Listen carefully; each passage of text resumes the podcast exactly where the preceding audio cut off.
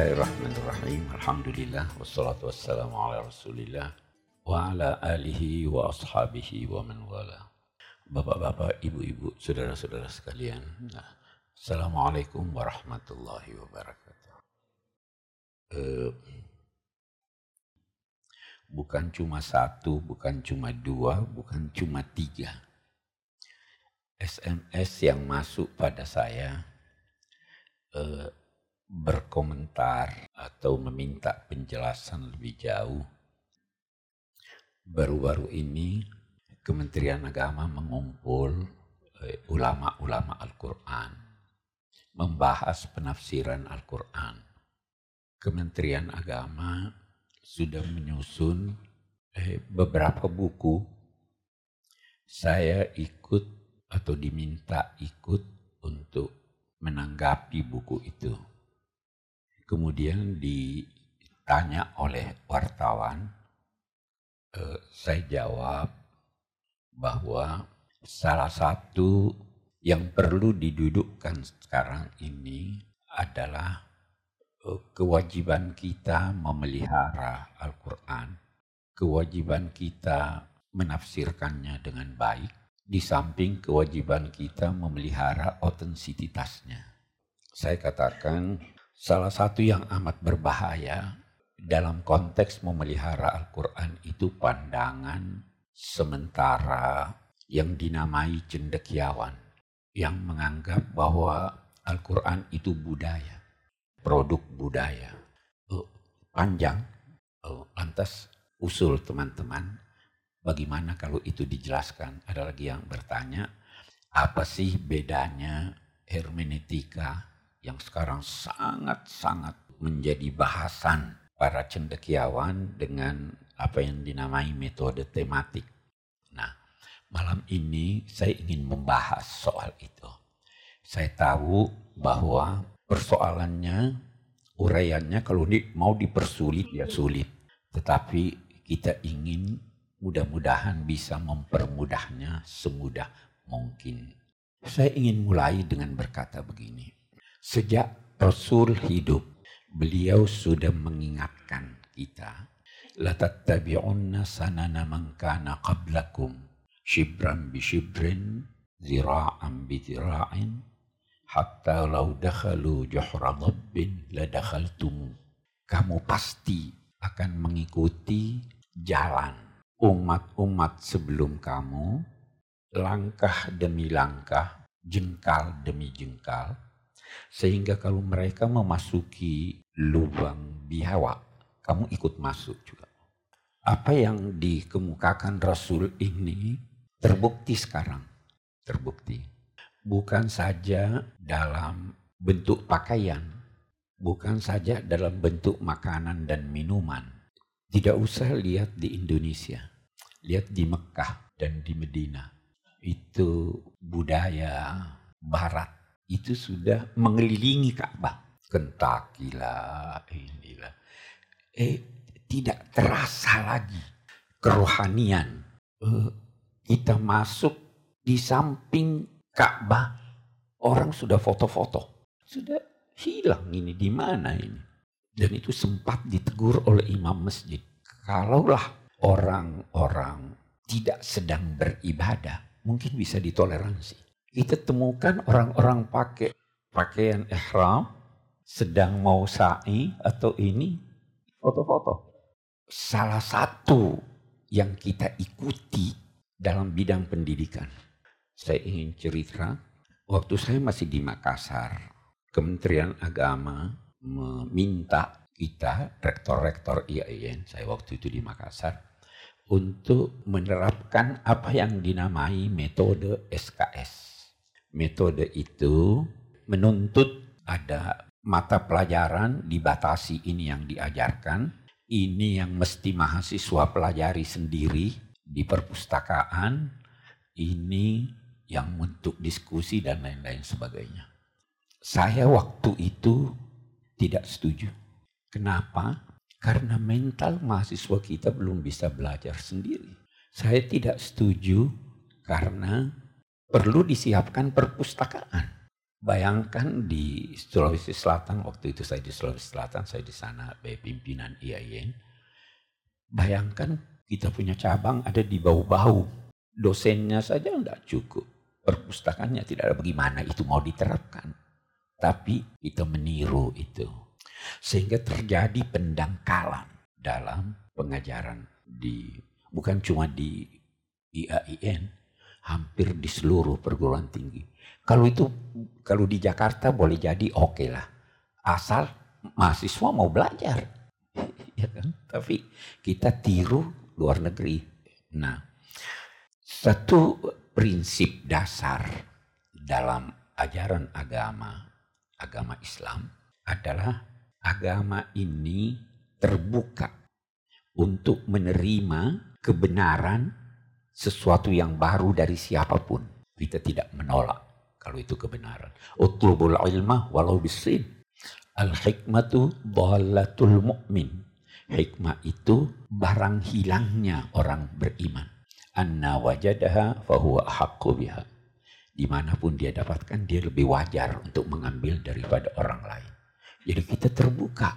Tetapi Al-Quran ada mengingatkan bahwa wala tattabi' ahwa'ahum. Jangan ikuti pikiran-pikiran mereka yang lahir dari hawa nafsu. Kalau pikiran-pikiran itu, tindakan-tindakan itu bersifat ilmiah, terima. Tapi kalau tidak, jangan ikuti itu berulang-ulang itu Al-Quran berkata. Wa ini taba'ta ahwa'ahum. Dan seterusnya, dan seterusnya. Oke. Nah, saya kembali kepada itu eh, persoalan kita sekarang. Di, di hampir di seluruh masyarakat muslim, termasuk di Mesir. Eh, kita atau sebagian kita itu ingin mengikuti tata cara orang-orang barat dalam memahami kitab suci.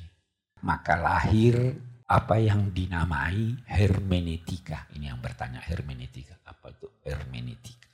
Hermeneutika itu terambil dari bahasa Yunani, akar katanya Hermes. Ulama-ulama Islam ada yang berpendapat bahwa Hermes itu adalah Nabi Idris. Dalam literatur agama, Idris itu adalah seorang nabi. Idris adalah orang pertama yang pandai menulis dan membaca. Dia pengajar. Itu sebabnya dia dinamai Idris. Idris itu dari kata darasa, mengajar atau belajar. Idris adalah tokoh yang menyampaikan dan menjelaskan pesan-pesan Tuhan. Itu dalam pandangan eh, orang-orang Yunani kuno. Makna ini bisa diterima oleh ulama Islam. Nabi itu menjelaskan maksud firman-firman Allah. Sampai di sini kita ketemu nih. Penjelasan itu bisa bermacam-macam. Nabi Muhammad pun menjelaskan maksud firman-firman Allah. Bisa menjelaskan secara lisan, bisa menjelaskan dalam bentuk eh, eh, kegiatan, praktek bisa menjelaskan dalam bentuk mendiamkan sesuatu yang benar. Itu penjelasan Nabi. Nah, tetapi di Eropa pernah terjadi krisis kepercayaan terhadap kitab suci mereka. Terhadap Taurat dan Injil. Itu nanti yang melahirkan protestan. Ini disebabkan karena tokoh-tokoh dari satu sisi. Tokoh-tokoh ajaran Kristen, tokoh-tokoh agama Kristen itu tidak mau mentakwilkan, tidak mau menjelaskan arti kosakata itu dalam pengertian eh, kecuali pengertian lafziahnya. Dia tidak mau pakai takwil, dia tidak mau mengalihkan makna. Ini juga pernah terjadi di kalangan umat Islam sampai sekarang masih ada yang begitu. Itu kelompok salafi begitu Misalnya Tuhan punya tangan. Ya, memang Tuhan punya tangan. Dia bilang ada tangannya, hanya tidak seperti tangan kita. Kalau orang-orang yang ingin menggunakan, mengalihkan makna kata tangan ini dari makna hakikiahnya ke makna yang lain, dia katakan tangan Tuhan itu kuasa Tuhan. Oke. Mereka tidak mau pakai itu. Ini orang-orang gereja. Mereka juga tidak mau mengubah makna-makna yang sudah baku yang mereka terima dari dulu. Dan di sini ditemukan pertentangan antara penafsiran gereja terhadap kitab suci dan hasil penelitian ilmuwan. Oke, ini satu.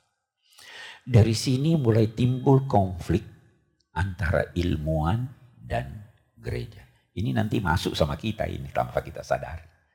Lebih jauh, ilmuwan-ilmuwan Kristen itu sejak tahun 1700-an, 1760 itu menemukan banyak sekali dalam kitab perjanjian lama dan baru hal-hal yang bertentangan dengan ilmu pengetahuan. Bukan cuma itu, banyak sekali yang bertentangan satu dengan yang lain. Ini menjadikan mereka berkata, perjanjian lama, perjanjian baru yang ada sekarang ini adalah hasil budidaya manusia. Ini sebenarnya bukan dari Tuhan ini. ini. Dan itu lebih-lebih perjanjian baru, Injil itu diakui oleh umat Kristen. Diakui bahwa itu kisahnya Nabi Isa. Itu sejarah hidup Nabi Isa yang ditulis oleh empat orang hanya mereka berkata itu ditulis atas bimbingan Tuhan. Tapi produk manusia. Saya tidak ingin terlalu panjang ke sana. Karena dia produk manusia, maka dia bisa salah. Ya kan? Kalau begitu, kata mereka, kita masuk dalam penafsiran. Kalau begitu, yang pertama harus hati-hati terhadap teks curigai itu teks. Wajar. Yang sampai ini salah ini orangnya. Maka karena itu sejak abad ke-18 lahirlah apa yang mereka namakan kemudian dalam penafsirannya hermeneutika baru di barat tetapi hermeneutika ketika itu dinamai hermeneutika klasik mereka menggaris bawahi yang pertama bahwa Anda tidak dapat memahami teks kecuali kalau Anda faham bahasanya. Bagus itu. Mereka juga berkata ada syarat-syarat yang harus terpenuhi supaya orang bisa memahami teks. Nah, ini berkembang ada mereka namakan hermeneutika klasik, ada hermeneutika romansis. Saya ingin sampai pada yang sekarang. Saya tidak mau cerita terlalu banyak soal itu. Hermeneutika yang sekarang ini itu tokohnya yang paling banyak pengaruhnya itu baru meninggal tahun 2002. Pengaruhnya ada sekarang.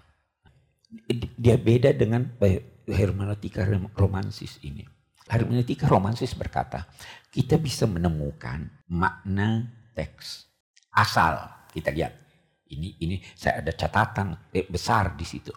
Asal orang yang berusaha memahami teks itu harus paham benar pemikiran, gejolak jiwa, uh, uh, apa yang terlintas dalam benak yang tulis teks. Dan dia bilang kedudukannya yang mempelajari teks, kedudukannya sebagai manusia itu bisa membantu dia untuk memahami teks.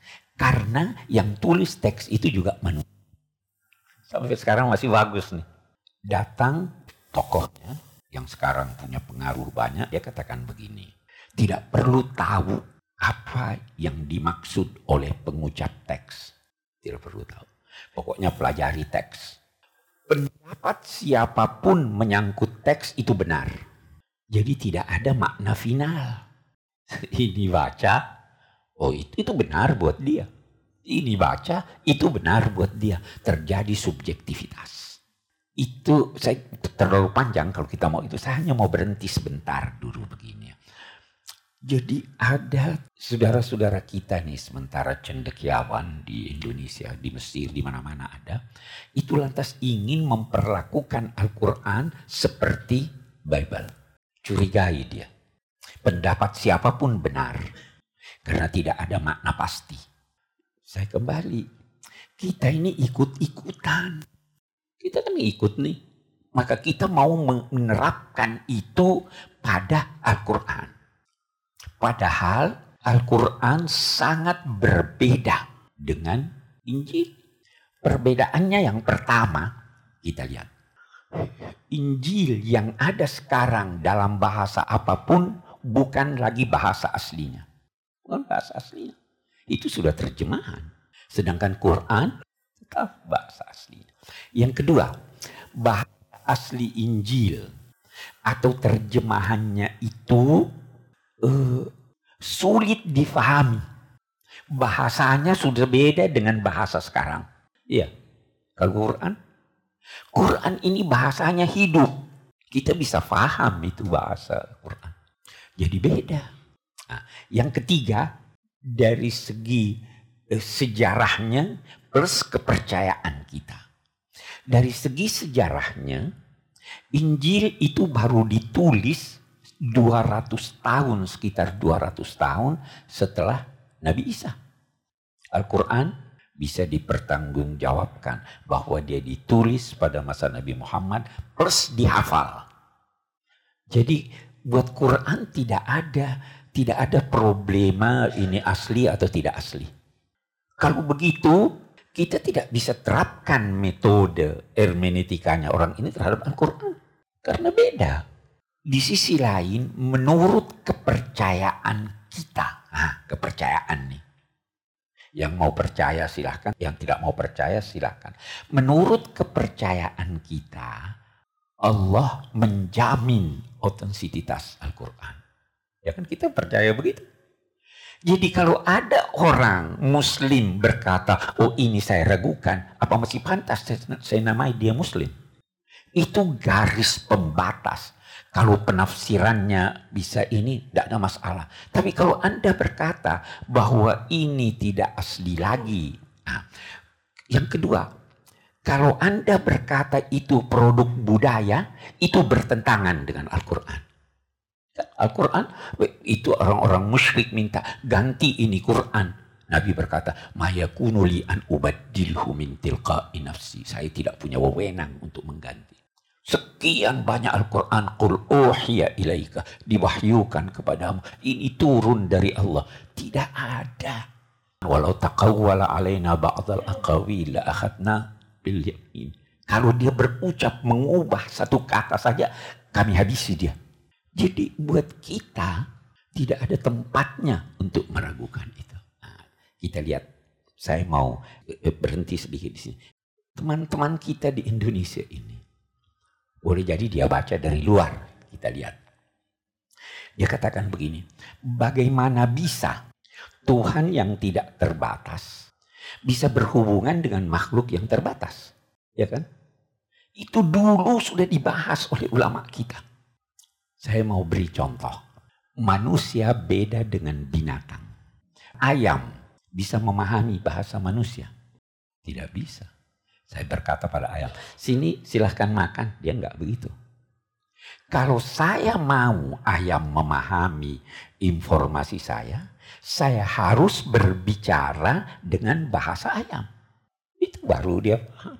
Nah, itu sudah dijelaskan oleh Al-Quran. Inna anzalnahu Qur'anan Arabian la'allakum ta'qilun. Kami turunkan dia dalam bahasa Arab supaya kamu faham. Jadi buat kita tidak ada problem. Itu Tuhan menjadikannya dalam bahasa Arab supaya kita faham. Dia tidak berbicara dengan dalam dua tanda petik bahasa Tuhan. Eh, saya beri contoh. Saya sejak kira-kira umur setahun, saya sudah tahu nama saya. Ya, Kalau ada orang dulu misalnya berbahasa Bugis, siapa namamu? Saya jawab bahasa Bugis, nama saya. Supaya dia paham. Sekarang kalau ada yang tanya dengan bahasa Arab, saya jawab ismi. Saya sesuaikan dengan mitra bicara saya supaya dia paham. Allah ada bahasanya. Kalamullah itu yang kedim, yang azali.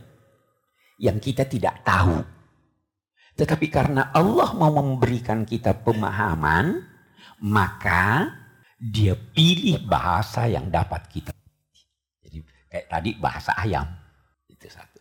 Ada lagi yang bilang begini. Jadi buat kita ini ini bukan problem lagi. Problem yang sudah terselesaikan dibawa lagi pada kita sekarang. Ada lagi begini. Lucu kalau kita baca. Lihat. Kalau saya menyampaikan pada si A suatu pembicaraan. Lalu si A menyampaikan pada si B. Bisa jadi apa yang saya sampaikan itu sudah berbeda sedikit atau banyak dengan apa yang disampaikan. Ya, dia lagi sampaikan sudah beda lagi. Oke. Dia berkata begini, katanya itu Quran melalui Jibril. Siapa tahu Jibril tidak. Ada itu. Nah, saya jawab begini. Kemungkinan itu ada. Tetapi kalau saya menyatakan bahwa apa yang disampaikan oleh si A ini benar, apa mesti diragukan? Tidak lagi kan? Nah, kita baca Quran. Dia katakan bahwa Jibril itu menyampaikan dengan penuh amanah. Jadi persoalannya percaya atau tidak. Itu persoalannya timbullah ini oh ini budaya ini salah ini ini dulu mestinya sekarang diganti. Sekarang ini kan toleransi. Semua benar. Loh jadi bagaimana itu ayat Quran berkata inna dina andallahil islam oh enggak. Itu mestinya inna dina indallah al hanafiyah samha. Toleransi yang saya bingung ini. Jadi produk budaya. Oh ini untuk orang dulu. Sekarang tidak lagi. Memang ada uraian-uraian dari pakar-pakar hermeneutika yang sejalan dengan penjelasan ulama-ulama kita. Ada banyak. Tetapi ada yang sudah menyimpang. Dan ada di majalah-majalah muslim. Ada itu. Majalah Ulumul Quran ada itu tulisan-tulisan. Majalahnya namanya Ulumul Quran. Nah, itu itu yang saya katakan kita harus hati-hati nih.